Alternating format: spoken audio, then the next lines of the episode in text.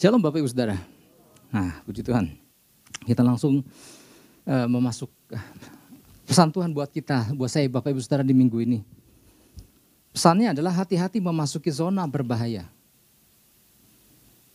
Atau saya sengaja tambahkan di dalam bahasa Inggrisnya beware entering danger zone. Nah, perkataan ini sering dijumpai di sebagai tanda peringatan ya di mana pun memang bentuknya, gambarnya, atau tanda atau kata-katanya mungkin bisa uh, sedikit berbeda, tetapi tujuannya untuk menyatakan bahwa menjauh dari wilayah ini karena ini wilayah berbahaya gitu. Jadi Tuhan melalui pesan ini sedang mengajarkan kita untuk jeli terhadap rambu-rambu yang ia berikan kepada kita umatnya. Di satu sisi kalau Tuhan kasih rambu-rambu kita harus bersyukur. Artinya Tuhan lagi tuntun dan arahkan kita ada wilayah-wilayah berbahaya jangan kita masuki. Karena Tuhan bukankah bisa memandang jauh ke depan dampaknya. Nah ini yang Tuhan lagi ajarkan juga buat setiap kita. Ya namanya prajurit-prajurit itu harus bisa memandang jauh ke depan. Kalau ini ada wilayah-wilayah yang bisa berbahaya, kita harus bisa melihat apa dampaknya kalau kita lakukan atau masuki wilayah itu. Beberapa waktu yang lalu saya pernah melihat di dalam sebuah video singkat ya, mungkin nggak tahu ya Bapak Ibu Saudara. Pernah lihat juga ada sebuah motor. Dia lagi, ya ini ini di sebuah kampung di, di daerah lah maksudnya ya. Adalah awalnya terlihat seperti video biasa. Tetapi tujuan video itu lagi mem memperlihatkan bahwa betapa cerobohnya orang yang naik motor itu gitu. Memang yang namanya di wilayah di daerah-daerah yang kadang-kadang rambu-rambu nggak terlalu jelas. Ya bahkan di kota pun kadang-kadang rambu nggak terlalu jelas. Di jalan tol dari arah Cirebon mau masuk Bandung itu saya sering kali kelewatan kenapa?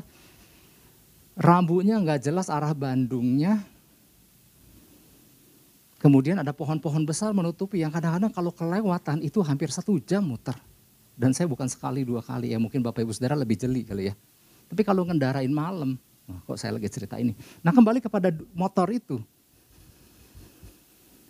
Dia lagi mengendarai motor di pinggir jalan yang memang di sebelah kanannya adalah jalan raya, di sebelah kirinya nggak ada pagar, ternyata itu jurang yang cukup dalam. Dan dia bukannya ada di tepat di tengah jalan raya, dia di pinggir. Entah lagi mau main uji nyali atau apa. Yang terjadi adalah gini, yang namanya di pinggir jalan, di jalan bebatuan, kadang-kadang terada lubang atau ada bahan-bahan tanah yang yang rapuh. Dia main di wilayah-wilayah yang berbahaya itu kemudian terperosok masuk ke jurang. Ya mungkin dia bisa beralasan, habis gak ada tanda peringatan sih. Kadang-kadang gini Bapak Ibu Saudara, akal sehat kita sebetulnya sudah bisa melihat itu wilayah bahaya. Jangan main-main di wilayah itu. Nah maksudnya itu Bapak Ibu Saudara. Oke saya mau ajak kita buka di dalam 2 Tawarik 16 ayat 7. Nah Bapak Ibu Saudara bisa baca sendiri ada tiga pasal inti sebetulnya 2 Tawarik 14, 2 Tawarik 15, dan 2 Tawarik 16. Tetapi penekanannya di awal ini adalah di 2 Tawarik 16 ayat 7 yang bunyinya adalah gini. Pada waktu itu datanglah Hanani pelihat itu kepada Asa, Raja Yehuda. Katanya kepadanya, karena engkau bersandar kepada Raja Aram dan tidak bersandar kepada Tuhan Allahmu. Oleh karena itu terluputlah tentara Raja Aram dari tanganmu. Sebetulnya kalau mau dibaca ini kan sebuah kisah ya. Jadi cukup panjang kalau saya baca tetapi minimal ini adalah peringatan seorang nabi bernama Hanani. Nabi di Alkitab kadang-kadang disebut pelihat. Karena nabi itu dilihat di alam rohani apa yang Tuhan nyatakan. Dia memberikan peringatan kepada Asa. Nah, nanti saya jelaskan. 2 Tawarik 14 itu apa? 2 Tawarik 15 itu apa? 2 Tawarik 16 itu apa? Nah 2 Tawarik 16 adalah tentang kemundurannya Asa. Nabi itu memperingatkan, kenapa engkau udah nggak mengandalkan Tuhan lagi? Oke, nanti kita akan sampai ke sana. Kembali lagi kepada zona berbahaya. Sesuai dengan peringatannya ya, hati-hati memasuki zona berbahaya. Zona berbahaya atau danger zone ini adalah, adalah area di mana terdapat risiko bahaya yang tinggi.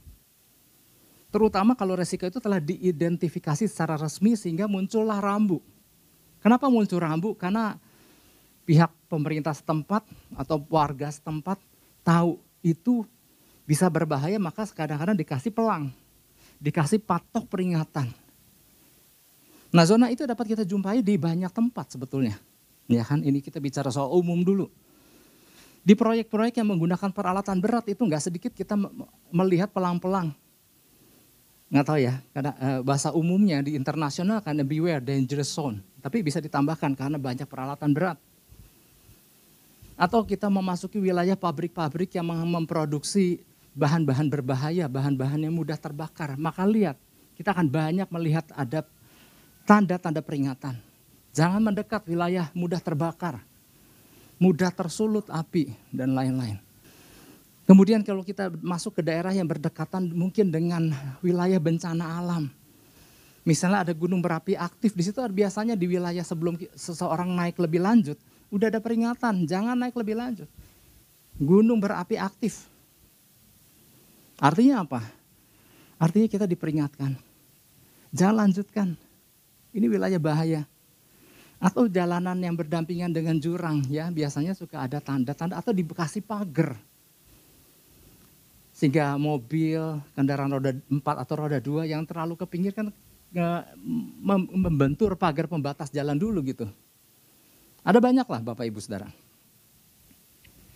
Di, di bagian awal ini saya lagi mencoba membawa kita semua terhadap pelang itu ada di mana-mana.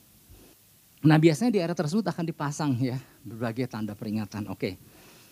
Ternyata istilah peringatan untuk tidak memasuki atau mendekat area berbahaya pun berlaku untuk kehidupan rohani.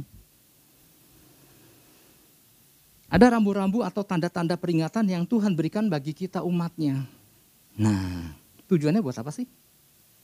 Sama, tujuannya agar orang percaya tidak mendekat atau memasuki wilayah-wilayah yang sudah Tuhan peringati, peringatkan tersebut. Karena ada konsekuensinya yang harus ditanggungi apabila peringatan itu nggak diindahkan. Seperti saya sampaikan, Tuhan bisa lihat jauh ke depan. Maka Tuhan kasih peringatan, ini berbahaya. Jangan diteruskan. Nah cara Tuhan memberikan peringatan kita memang bisa berbagai cara. Nah ini yang kita perlu pahami juga. Ya misalnya nih ada beberapa, mulai dari penggunaan nalar umum yang dimiliki oleh manusia atau common sense atau pemikiran wajar yang dipahami orang secara umum. Jadi gini, yang namanya common sense ini adalah semua orang anak kecil juga tahu gitu. Menyulut api dekat bahan bakar yang mudah terbakar. Ini nggak usah sekolah sampai perguruan tinggi, anak SD juga tahu bahaya gitu maksudnya. Ketika kejadian meleduk gitu ya, ya habis nggak ada yang memperingatkan saya sih gitu. Ya ilah, itu mah nggak usah diperingatkan, setiap orang juga tahu gitu. Nah itu yang dimaksud nalar umum nalar manusia, common sense. Enggak usah selalu harus melihat rambu, kadang-kadang enggak usah melihat, harus melihat, enggak usah harus diperingatkan oleh orang lain. Kadang diri sendiri juga tahu kok gitu. Dusta itu salah di hadapan Tuhan bukan cuma kepunyaan Alkitab aja. Semua kepercayaan juga udah paham soal itu gitu maksudnya. Oke terus apa lagi? Peringatan-peringatan itu bisa berupa apa? Firman Tuhan secara logos. Habis nggak dikasih tahu sama gembala, habis nggak dikasih tahu sama hamba Tuhan. Habis nggak ada teman saudara seiman yang peduli sama aku. Kalau you baca Alkitab, di situ banyak kok peringatan. Janganlah hendaknya kerajinanmu kendor, biarlah rohmu bernyala-nyala dan layani Tuhan. Kalau kita mau ngerti soal Alkitab, kata janganlah itu adalah, saya pernah jelaskan sih. Diambil dari bahasa asli mai. Sangat berbahaya dan jangan lakukan janganlah hendaknya kerajinanmu kendor. Orang yang mengendorkan kerajinan, Alkitab bilang, Alkitab sendiri bilang, ini berbahaya. Sama kayak lagi kita memperingatkan anak kecil lagi pegang pisau. Nah, kata janganlah itu kandungannya sama di situ. Terus sama lagi. Nah, ada firman Tuhan tadi peringatan secara logos, secara apa yang tertulis. Tapi juga ada peringatan yang berupa perkataan Tuhan atau rema yang Tuhan sampaikan secara khusus dan bukan buat orang lain, buat kita, saya Bapak Yuda Saudara. Misalnya apa? Misalnya beberapa pesan-pesan, ya selalu ya pesan-pesan yang datangnya dari Tuhan. Hati-hati memasuki zona berbahaya. Ini kan sebuah peringatan yang Tuhan berikan khusus buat saya Bapak Ibu dan Saudara. Ada ayat firmannya, ada dasar firmannya. Tetapi ayat firman itu khusus diberikan. Bukan karena pembacaan umum, tapi Tuhan berikan secara khusus buat kita. Atau pesan-pesan yang lain ya, jangan memandang diri salah, tangkap rencana Tuhan. Itu merupakan sebuah peringatan juga sih sebetulnya kan. Jangan kita jadi kayak Gideon yang di awalnya. Merasa diri nggak mampu, merasa diri nggak bisa, merasa diri kecil. Atau banyak lah ya namanya peringatan Bapak Ibu Saudara. Nah dibutuhkan apa? Kepekaan umat Tuhan untuk dapat menangkap peringatan-peringatan yang diberikan. Artinya kalau kita mau nyalahin Tuhan, Tuhan kenapa nggak kasih peringatan? Tuhan bilang, aku udah kasih banyak. Nah ayat yang kita baca di atas tadi, ya kita mau yang di dalam dua Tawarik 16 itu merupakan fase kejatuhan atau fase melemahnya pemerintahan Raja Asa atau fase kemunduran rohaninya Raja Asa. Seorang raja yang memerintah di Yehuda. Kita tahu ya Yehuda adalah Israel Selatan. Israel Utara disebut Israel. Nah dia jadi raja di wilayah Yehuda. Raja yang luar biasa Bapak Ibu Saudara. Pada waktu itu Hanani datang kasih peringatan sama Asa bahwa kenapa udah nggak mengandalkan Tuhan lagi. Dulu waktu engkau awal di awal pemerintahan engkau sangat mengandalkan Tuhan. Ya. Raja Asa pada waktu itu sudah di masa ini nih di dalam 2 Tawarik 16 udah jauh berbeda dengan Raja Asa dulu waktu dia menerima tampuk pemerintahan. Nah nanti di sini kita belajar apa sih yang membuat dia menjadi begitu turun ternyata dia tidak mengindahkan peringatan-peringatan dan memilih untuk main-main di wilayah berbahaya. Asa mengawali 41 tahun. Jadi berapa masa pemerintahan Raja Asa kalau kita baca di situ tertulis ada Raja Asa memerintah 41 tahun. Berapa tahun? Berapa tahun? 41 tahun. Kenapa saya tanya 41 tahun? Nanti kita ada, akan banyak main angka.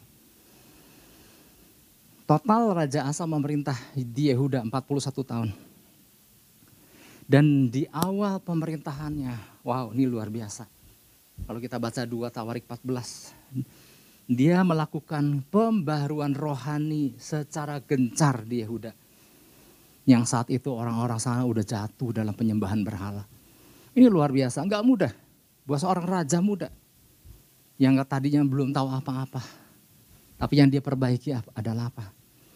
Moral, kerohanian daripada rakyat pada waktu itu. Ini dahsyat banget kalau kita lihat ya, wow. Kalau dibilang ekstrim, ekstrim banget loh. Ia menyingkirkan segala mesbah-mesbah asing, segala tiang-tiang berhala. Memerintahkan rakyat untuk kembali beribadah sama Tuhan. Nah langkah ini sama Tuhan dipandang baik. Maka nggak heran Tuhan bilang nih kalau kita mau lihat dulu nih dua dalam dua Tawarik 14 ayat 2 nih sekedar nyuplik. Ingat ya saya nggak bicara tentang riwayat Asa dari ayat ke ayat sampai tiga pasal enggak. Saya mau nyuplik di sini. Di mata Tuhan, Asa melakukan apa yang baik dan yang benar di mata Tuhan Allahnya. Asa mendapat pujian, wow, ada raja baik, ada raja jahat, tapi enggak, enggak banyak baik dan benar. Asa termasuk raja yang baik dan benar. Nah atas kesungguhannya itu Tuhan memberkati Yehuda dengan apa? Dengan ke, keamanan, dalam masa aman itu Asa mulai membangun kota-kota benteng Yehuda. Jadi kalau kita perhatikan nih Bapak Ibu Saudara. Tadi saya bilang tiga pasal ya. Pasal 14, 15, 16. Nah pasal 14 secara singkat nih kalau malas baca saya jelasin. pasal 14 di awal adalah tentang Raja Asa menerima pemerintahan sebagai raja, raja muda. Itu yang fase pertama. Fase kedua terjadi perubahan, terjadi reformasi. Ya, terjadi fase kemajuan pesat terutama di bidang rohani dan otomatis kepada keamanan seluruh kerajaan, seluruh bangsa. Nah itu terjadi di pasal 14 dan 15. Jadi kalau mau lihat grafiknya ada lagi nih. Kalau lihat tangan saya ini anggap layar TV nih. 14, 14, 15. Jadi grafiknya naik. 16, Jadi grafiknya cuma naik turun. Nah, masa kenaikannya itu sebetulnya luar biasa. Sekitar 35 tahun. Tadi berapa total Raja Asa memerintah? 41. Wow luar biasa ingatannya. Keamanan, ketentraman, dan kemajuan terjadi di 35 tahun pertama. Saudara bayangkan luar biasa enggak? Tinggal enam tahun lagi. Oke. Ini jadi pesan Tuhan bagi kita. Jadi belajar dari Asa yang merasa diri mampu sehingga ia mulai melepaskan sandarannya dari Tuhan di masa menjelang akhir pemerintahannya. Ya ampun tinggal enam tahun lagi. Asa nggak menyadari bahwa dirinya sedang bermain-main di area berbahaya atau dangerous zone. Dalam hidupnya yang mengakibatkan terjadinya dampak yang fatal. Nah Tuhan ingin kita belajar mengenali akan adanya area berbahaya. Yang namanya area berbahaya bukan masa itu aja. Sampai di masa sekarang yang namanya area berbahaya itu ada di mana-mana. Ya harus kita hindari, apalagi kalau Tuhan udah kasih peringatan. Jangan masuki, jangan bermain-main. Bermain-main adalah gini, roh yang di dalam aku kan lebih besar dari segala roh mana pun juga, maka aku masuki wilayah itu. Bahkan Amsal bilang kalau di depan ada bahaya, kenapa nggak menghindar? Jangan sok kuat, karena Tuhan udah kasih peringatan gitu maksudnya. Tapi ada orang yang mencoba mengeraskan hati untuk mau bermain-main di situ. Dan dampaknya fatal Bapak Ibu. Nah di sini kepekaan sangat dibutuhkan. Nah sekarang saya ada pertanyaan. Siapa yang di sini membutuhkan kepekaan angkat tangan? Loh kok semua? Kalau saya lihat di dalam komsel, ternyata enggak banyak loh yang orang membutuhkan tambahan kepekaan. Ingat komsel terakhir kan? Dari nilai-nilai keprajuritan yang dimiliki oleh prajurit-prajurit Daud kan banyak nilai-nilai luar biasa. Banyak nilai-nilai kerajaan surga yang dahsyat. Banyak nilai-nilai keprajuritan yang luar biasa. Kepekaan, ketajaman, dedikasi, kedisiplinan, kesetiaan, rela berkorban, oh dan banyak nilai-nilai kepahlawanan. Kalau Bapak Ibu Saudara tahu tipe saya, kalau saya diajukan pertanyaan, apa yang mau ditambahkan di dalam nilai-nilai keprajuritan Daud? Saudara tahu nggak jawaban saya apa? Saya contreng semua, karena siapakah saya? Saya butuh semuanya itu. Saya butuh ditambah-tambahkan semuanya saya nggak nggak nggak usah pakai mikir. Semuanya saya butuh. Ingat, mempelai yang akan datang yang kita nggak tahu kapan yang akan segera datang mempelai Kristus adalah calon mempelai pria kita. Dia punya standar. Kalau dibandingkan dengan kita hari ini, nggak ada apa-apanya. Makanya saya rindu hari lepas hari Tuhan, aku rindu ditambah-tambahkan. Apa pun kalau kita mau mempersiapkan diri sebagai mempelai. Karena ujung-ujung pengiringan kita, orang-orang percaya, adalah menjadi serupa dengan Kristus. Oke lanjut tadi saya mau ngomong apa jadinya. Nah kadang masuknya seseorang ke wilayah yang disebut berbahaya itu tidak terlalu dapat dirasakan. Nah gini, masuknya wilayah, masuknya seseorang ke wilayah berbahaya itu kadang-kadang nggak terlalu bisa dibedakan. Karena gini, danger zone itu kadang-kadang adalah wilayah yang menyenangkan. Bukan wilayah yang mencekam, yang menakutkan yang uh, cepat kabur, cepat kabur, betapa menakutkannya. Kadang-kadang wilayah danger zone itu menyukakan, sangat uh, nikmat, ya. Nah, di wilayah ini seorang percaya mungkin mendapatkan kepuasan diri bahkan. Di wilayah danger zone ini orang percaya mungkin merasa mendapat sebuah tantangan yang baru, apalagi buat orang-orang yang suka tantangan. Di wilayah danger zone ini orang kadang mau merasa bisa mengaktualisasi diri, kalau engkau belum tahu siapa aku, di situ aku bisa menunjukkan kemampuanku misalnya, aktualisasi diri. Jadi danger zone itu ternyata bukan wilayah suatu wilayah yang selalu harus menakutkan dan terlihat membahayakan, enggak. Kadang-kadang terlihat nikmat, nyaman. Misalnya gini di Alkitab, ketika Simpson melihat gadis Filistin, ini gadis cantik. Kadang-kadang sebagai laki-laki yang gagah perkasa Simpson ini merasa tertantang. Masa sih gue nggak bisa dapetin itu cewek Filistin, tapi Filistin, ah orang Filistin yang nggak bisa yang dapetin dia. Maka di situ Simpson merasa tertantang. Dia mau membuktikan keperkasaannya, mungkin mau membuktikan kejantanannya. Dia mau mengaktualisasi diri. Eh, Nggak ada pria Israel, bahkan Filistin sekalipun yang dapat meminang itu perempuan gitu mungkin. Tapi Simpson gak menyadari waktu dia meminang, dia minta orang tuanya untuk lamar itu perempuan. Dia lagi main di wilayah yang disebut danger zone, wilayah berbahaya. Dan kita tahu kan kisahnya. Ya kadang memang udah di skenarioin ya sama Tuhan. Tetapi Simpson gak menyadari bahwa dia sedang memasuki wilayah berbahaya. Dan kita tahu dampaknya kayak apa nggak selalu menakutkan. Bahkan merupakan sebuah tantangan tersendiri buat, sesok, buat, buat sebagian orang. Ya hati-hati di wilayah ini justru banyak kejatuhan terjadi. Lolos dari gadis Filistin itu. Ada ada siapa namanya satu cewek lagi? Delilah. Oh, Delilah mungkin gak kalah cantik dan lain-lain ya. Ini wilayah-wilayah berbahaya. Nah oke, langsung aja ya. Beberapa hal yang perlu kita pahami untuk mengetahui apa yang dimaksud dengan area berbahaya. Nah, beberapa di antaranya nanti yang lain terusin ya. Yang pertama adalah area di mana orang percaya sudah berpuas diri padahal pertandingan belum berakhir. Nah, ini area berbahaya ini. Pertandingan belum selesai kita udahan gitu. Terus mengharapkan hadiah ter, uh, medali kita peroleh.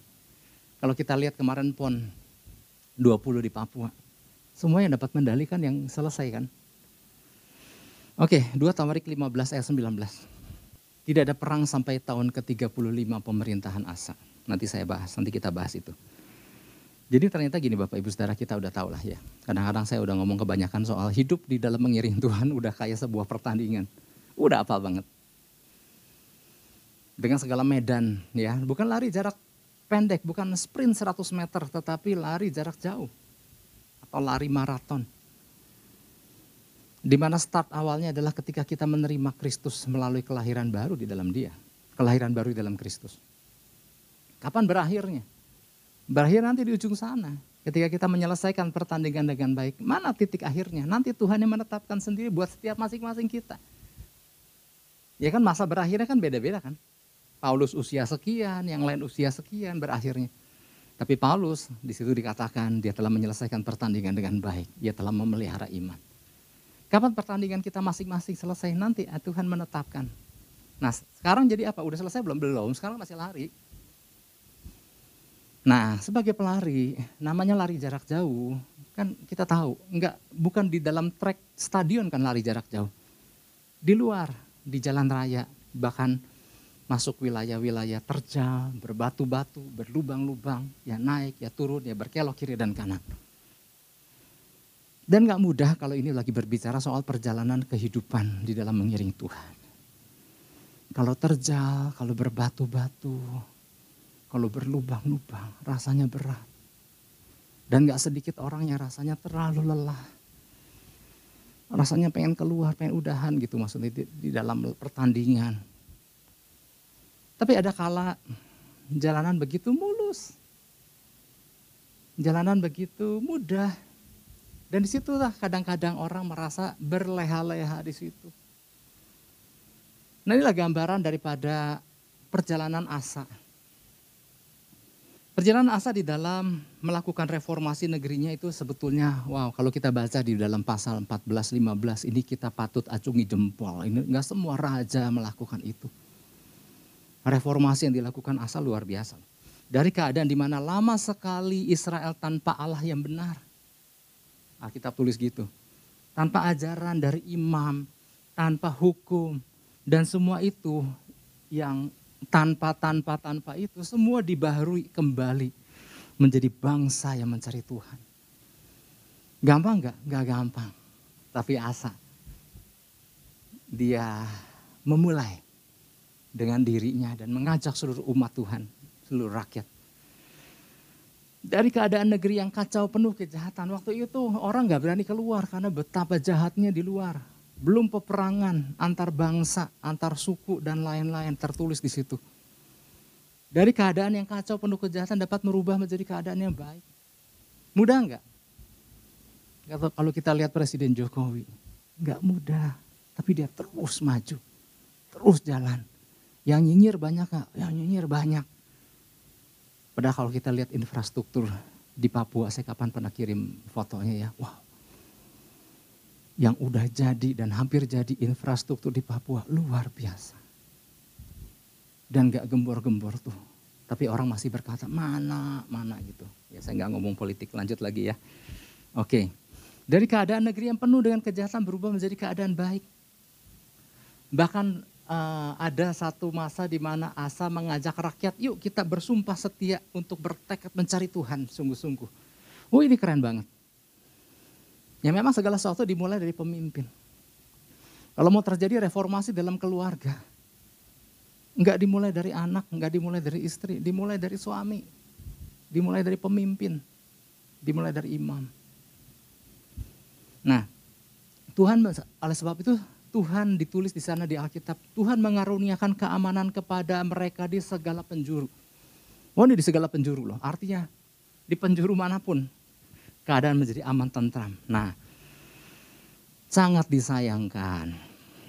Keadaan yang sudah demikian baik, aman, tanpa peperangan, dan ini sudah menginjak tahun ke-35 kalau kita baca di sini. Tidak ada perang sampai pada tahun ke-35 pemerintahan Asa.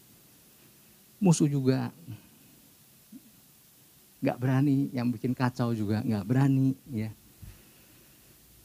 Tadi kita udah dengar di awal berapa tahun Raja Asa memerintah 41 tahun.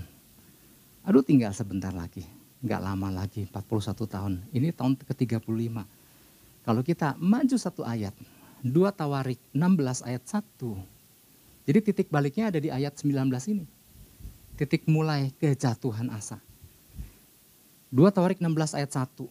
Pada tahun ke-36, jadi baru selesai 35 udah bagus tuh Nah 36 kalau kita baca semuanya di ayat 16. Mulai asa udah nggak mengandalkan Tuhan lagi karena udah merasa kuat. Udah merasa hebat. Udah merasa nggak butuh Tuhan. Tapi di situ dia nggak menyadari.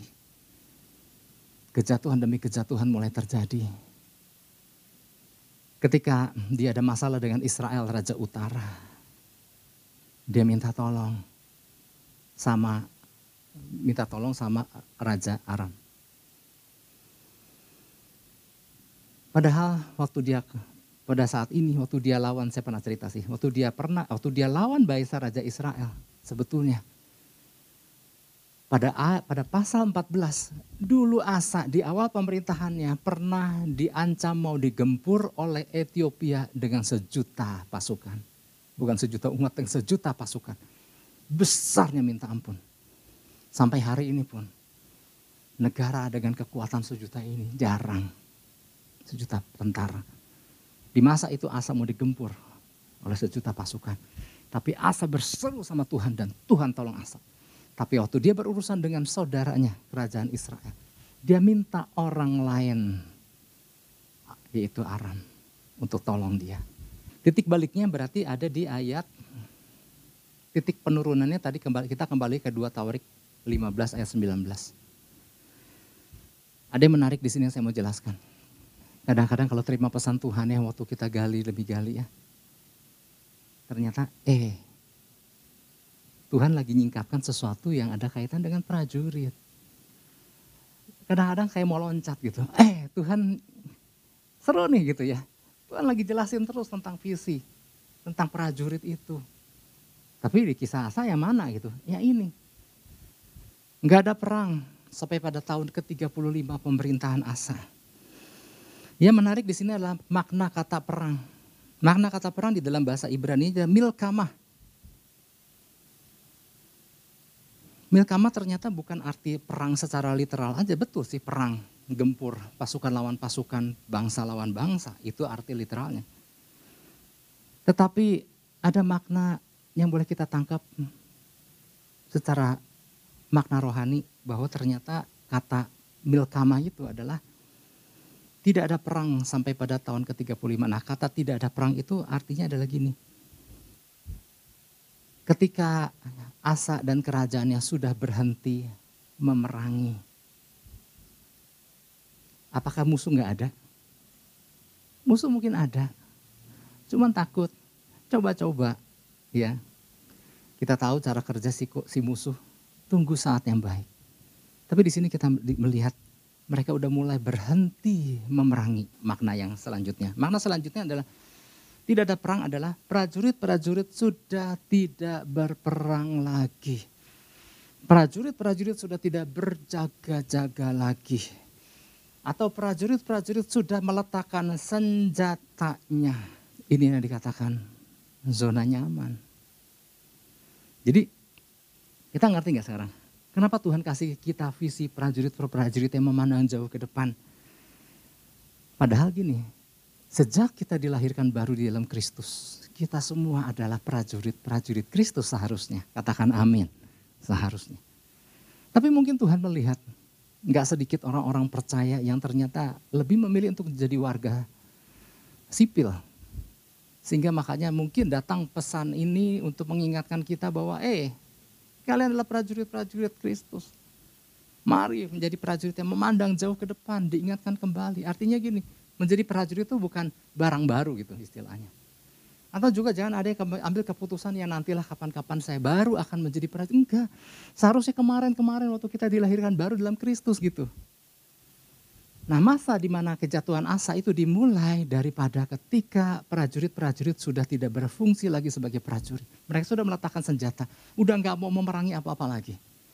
Itulah titik balik kejatuhan asa. Itulah titik balik kejatuhan daripada kerajaan Yehuda di bawah kepemimpinan Asa. Sangat menyedihkan. Jadi ketika prajurit sudah meletakkan senjatanya dan tidak mau jadi prajurit-prajurit yang memanggul senjata lagi, inilah waktu di mana para prajurit itu sedang memasuki wilayah yang disebut dangerous zone. Artinya gini, mereka masuk war zone, mereka memasuk wilayah perang tanpa senjata. Sangat berbahaya. Sedangkan wilayah di mana pun kita berada, di dunia ini, di bumi ini, ini adalah wilayah peperangan. Tapi ketika si orang percaya udah nggak mau memanggul, udah nggak mau menyadari predikat sebagai prajurit-prajurit yang siap untuk bertempur, maka sama aja si orang-orang percaya ini yang lagi masuk wilayah danger zone, masuk ke wilayah war zone. Tapi nggak pakai senjata, bahaya nggak? Bahaya. Orang dia bisa lihat kita, kita nggak bisa lihat dia dengan mata jasmani. Tapi ini nggak bicara soal kuasa kegelapan yang kasat mata aja, tetapi bicara soal hal yang bisa terlihat juga. Ingat kejatuhan Raja Daud? Raja Daud pernah jatuh sama Bathsheba. Kapan dia jatuh? Alkitab mencatat, ketika musim menuai, ketika raja-raja tampil berperang, Daud memilih untuk diam di istana. Itulah musim berperang, di mana musim semi, keadaan cuaca begitu mendukung. Kalau mau berperang memperluas wilayah, itulah saatnya. Tapi Daud memilih, Yoab, kamu aja. Aku mau di istana, menikmati kesuksesanku, menikmati kenyamananku, dan dia mau mengaktualisasi diri ketika melihat ada cewek lagi mandi di bawah soto istana. Bayangin bikin kamar mandi di bawah jendela, teras istana. Mana yang sengaja, mana yang enggak deh. Dan dia melihat, masa gue nggak bisa dapetin itu perempuan lagi mandi merasa tertantang. Ini disebut dangerous zone. Udah meletakkan senjata, main-main dan mencoba menantang diri untuk masuk wilayah yang berbahaya. Akibatnya apa? Kita tahu sendiri, saya nggak akan cerita panjang lebar lagi. Itulah kejatuhan Raja Daud. Nah kita mau belajar, saya Bapak Ibu Saudara kita mau belajar. Ada istilah gini Bapak Ibu Saudara, ingat nggak? Wah waktunya habis nih, tapi kalau nggak saya cerita, ingat nggak uh, penjahat yang di samping Yesus? Ya kan? Ada dua kan kiri kanan. Ada satu yang selamat kan? Hari ini juga engkau ada di Taman Firdaus bersama-sama dengan aku. Jadi kalau ada yang nanya, Pak penjahat itu selamat nggak Pak? Selamat. Terus ada yang bilang, wah enak bener. Sepanjang hidup jadi penjahat. Nanti giliran mau mati, diterima Yesus. Memang penjahat itu mengakui Yesus sebagai Tuhan dan mengakui Yesus sebagai Raja. Dan pada saat dia mati, Yesus sendiri yang bilang, hari ini engkau bersama dengan aku di Taman Firdaus. Nah ada orang berkata, enak banget, aku disuruh baca Alkitab sama mama, aku disuruh ke gereja, sekolah minggu dan lain-lain. Dia emang gak ngapain, dia berbuat bebas seenak-enaknya. Kemudian udah deket mati, terima Yesus, selamat. Saya bilang enak. Saudara kalau bilang itu enak, bermainlah seperti penjahat tadi. Hanya kemurahan Tuhan aja yang pilih dia untuk menyelamatkan si penjahat yang ada di samping Yesus. Apakah rumusnya selalu begitu? Coba dah main-main. Nanti menjelang detik terakhir, hembuskan napas terakhir. Terima Yesus. Kalau keburu. Tapi apakah mau main-main di wilayah berbahaya? Ini danger zone. Saya pernah melayani beberapa orang. Mantan dukun. Pernah, pernah udah bertobat jatuh kembali di detik terakhir, yang di mana dokter katakan usianya cuma satu minggu nggak lewat. Tapi begitu saya mendengar usianya nggak lewat satu minggu, kami layani. Mohon ampun, berdamai dengan keluarga. Menerima Yesus, besok akan meninggal. Wah enak banget pak, gitu ya. Mau main-main di wilayah itu? Itu semua kedaulatan Tuhan kok. Wah yang kedua muat gak nih? Oke, sedapatnya ya. Poin yang kedua, Berapa hal yang perlu kita pahami untuk mengetahui apa yang dimaksud dengan area berbahaya? Tadi yang pertama ya, area di mana orang percaya sudah berpuas diri padahal pertandingan belum berakhir. Kedua, area di mana orang percaya sudah tidak lagi mempedulikan teguran dan arahan dari Tuhan. Oke, 2 Tawarik 16 ayat 10. Area di mana orang percaya sudah tidak lagi memedulikan teguran dan arahan dari Tuhan. 2 Tawarik 16 ayat 10 di sini dikatakan maka sakit hatilah Asa. Kenapa Asa sakit hati? Coba kita cek. Maka sakit hatilah Asa karena perkataan pelihat itu. Yaitu Hanani tadi. Sehingga ia memasukkannya ke dalam penjara. Sebab memang ia sangat marah terhadap dia karena perkara itu. Perkara apa sih? Hanani tegur, kenapa engkau udah gak ngandelin Tuhan lagi? Padahal mata Tuhan menjelajah ke seluruh negeri hendak memberikan kekuatan tapi engkau berlaku bodoh. Dia tersinggung. Padahal kan, wah Tuhan mau kasih kekuatan loh, Tuhan mau kasih dia kemenangan. Tapi perkataan Perkataan teguran itu nggak enak buat telinga, buat orang yang nggak dewasa. Sebab memang ia sangat marah terhadap dia karena perkara itu pada waktu itu Asa menganiaya juga beberapa orang dari rakyat. Wow responnya jadi jelek banget. Gara-gara ditegur sama Hanani, utusan Tuhan. Bapak ibu saudara, teguran itu nggak enak. Teguran ini bikin pedas telinga. Tapi kita butuh nggak teguran itu? Kalau saya butuh loh. Karena teguran itu Tanda kita disayang Tuhan. Orang yang kukasihi, ku tegur dan kuhajar. Ini perkataan Tuhan ketika dia berlaku sebagai Bapak dan kita anak-anaknya. Hal yang sama lah kalau kita lihat anak-anak bermain berbahaya. Kita akan tegur. Tuhan lihat waktu kita, waktu Tuhan lihat kita bermain di wilayah berbahaya, Tuhan tegur. Dan seharusnya kita berkata, terima kasih Tuhan. Diingatkan, di, diperingati. Kadang Tuhan memperingatinya pakai Hanani. Ih ngomongnya judes. Nggak enak. Nyebelin. Karena dia raja maka Hanani masuk penjara. Wow. Bahkan gini Bapak Ibu Saudara. Untuk menegur aja juga nggak enak. Siapa sih mau negur? Siapa sih mau disebelin gitu maksudnya. Tapi saya mau katakan. Kalau mungkin saya menegur Bapak Ibu Saudara. Tanda karena saya sayang. Katakan amin. Ya nggak ada yang amin juga. Ya udah. Nah, puji Tuhan, terima kasih Bu. Tapi saya tetap menegur. nah ketika Asa mulai merasa kuat dan merasa mampu untuk bertindak menurut apa yang baik bagi dirinya, maka Tuhan mengutus apa Hanani, yang tadi itu ya, seorang nabi untuk memperingatkannya. Tapi gini, ambisi dan ketegaran hati seorang ambisi dan ketegaran hati seseorang sanggup membuat teguran sehebat apa pun gak mempan.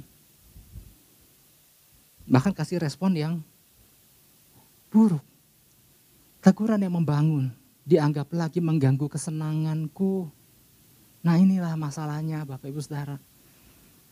Anak kecil lagi asik main nih, kita rebut mainannya. Nangis nggak tuh? Marah nggak tuh? Sama. Waktu tegur, Tuhan tegur kita kadang-kadang gak sedikit orang percaya yang jadi kayak anak kecil. Kayak mainannya lagi diambil. Kesenanganku, Kayak Daud nih, kalau lagi diusik sama Tuhan, Daud, jangan kau lihat itu perempuan lagi mana, ah Tuhan, kayak nggak tahu aja nih. Aku kan cuma lihat-lihat aja gitu aja nggak boleh gitu. Oke, tapi kalau kita mau belajar sama Rasul Paulus, pernah satu kali saya sering juga cerita tentang ini. Pada saat Rasul Paulus mau menginjil ke Bitinia, kita sering banget denger ini. Roh Yesus mengingatkan, bukan ke situ udah keluar biaya, udah capek kebitinnya, udah tujuannya mulia. Tuhan bilang bukan ke situ. Ini pun gak enak loh. Kalau kita ngebayangin kalau kita ada di perjalanan udah sampai ke pedalaman, Tuhan bilang bukan ke situ. Tapi intinya adalah gini. Kok Rasul Paulus kok denger ya? Ini yang saya rindu, wow keren banget bisa begitu. Makanya saya minta ditambah-tambahkan kepekaan. Waktu dia jalan lagi, ya dia pikir, nah ini Tuhan. Alkitab bilang roh Yesus mengatakan bukan ke situ. Tapi kalau kita lihat ini keren banget. Jadi ke mana Tuhan? Tuhan kasih tahu suatu hari, suatu ketika, Makedonia. Wow. Nah saya mau tutup dengan ini Bapak Ibu Saudara. Seperti rambu-rambu lalu lintasnya dipasang untuk tujuan apa? Tujuan keselamatan pengguna kendaraan. Roda dua, roda empat, roda tiga apa pun. Demikian juga Tuhan banyak memberikan peringatan dan tuntunan kepada kita orang percaya. Tujuannya supaya apa? Supaya kita nggak masuk ke dalam wilayah yang berbahaya, berbenturan, bertabrakan, dan mengakibatkan kemunduran. Ya, Memilih untuk tidak mengindahkan adalah sama dengan kita memilih untuk main di wilayah danger zone, di daerah area berbahaya. Oleh sebab itu mari Bapak Ibu Saudara, yang dibutuhkan adalah celikan mata kita, kita sama-sama ya, kita sama-sama belajar. Celikan mata kita dan pertajam pandangan kita lebih lagi untuk memperhatikan setiap arah, setiap rambu yang Tuhan berikan buat kita. Ya mau katakan amin. Kita beri tepuk tangan buat Tuhan Yesus. Haleluya.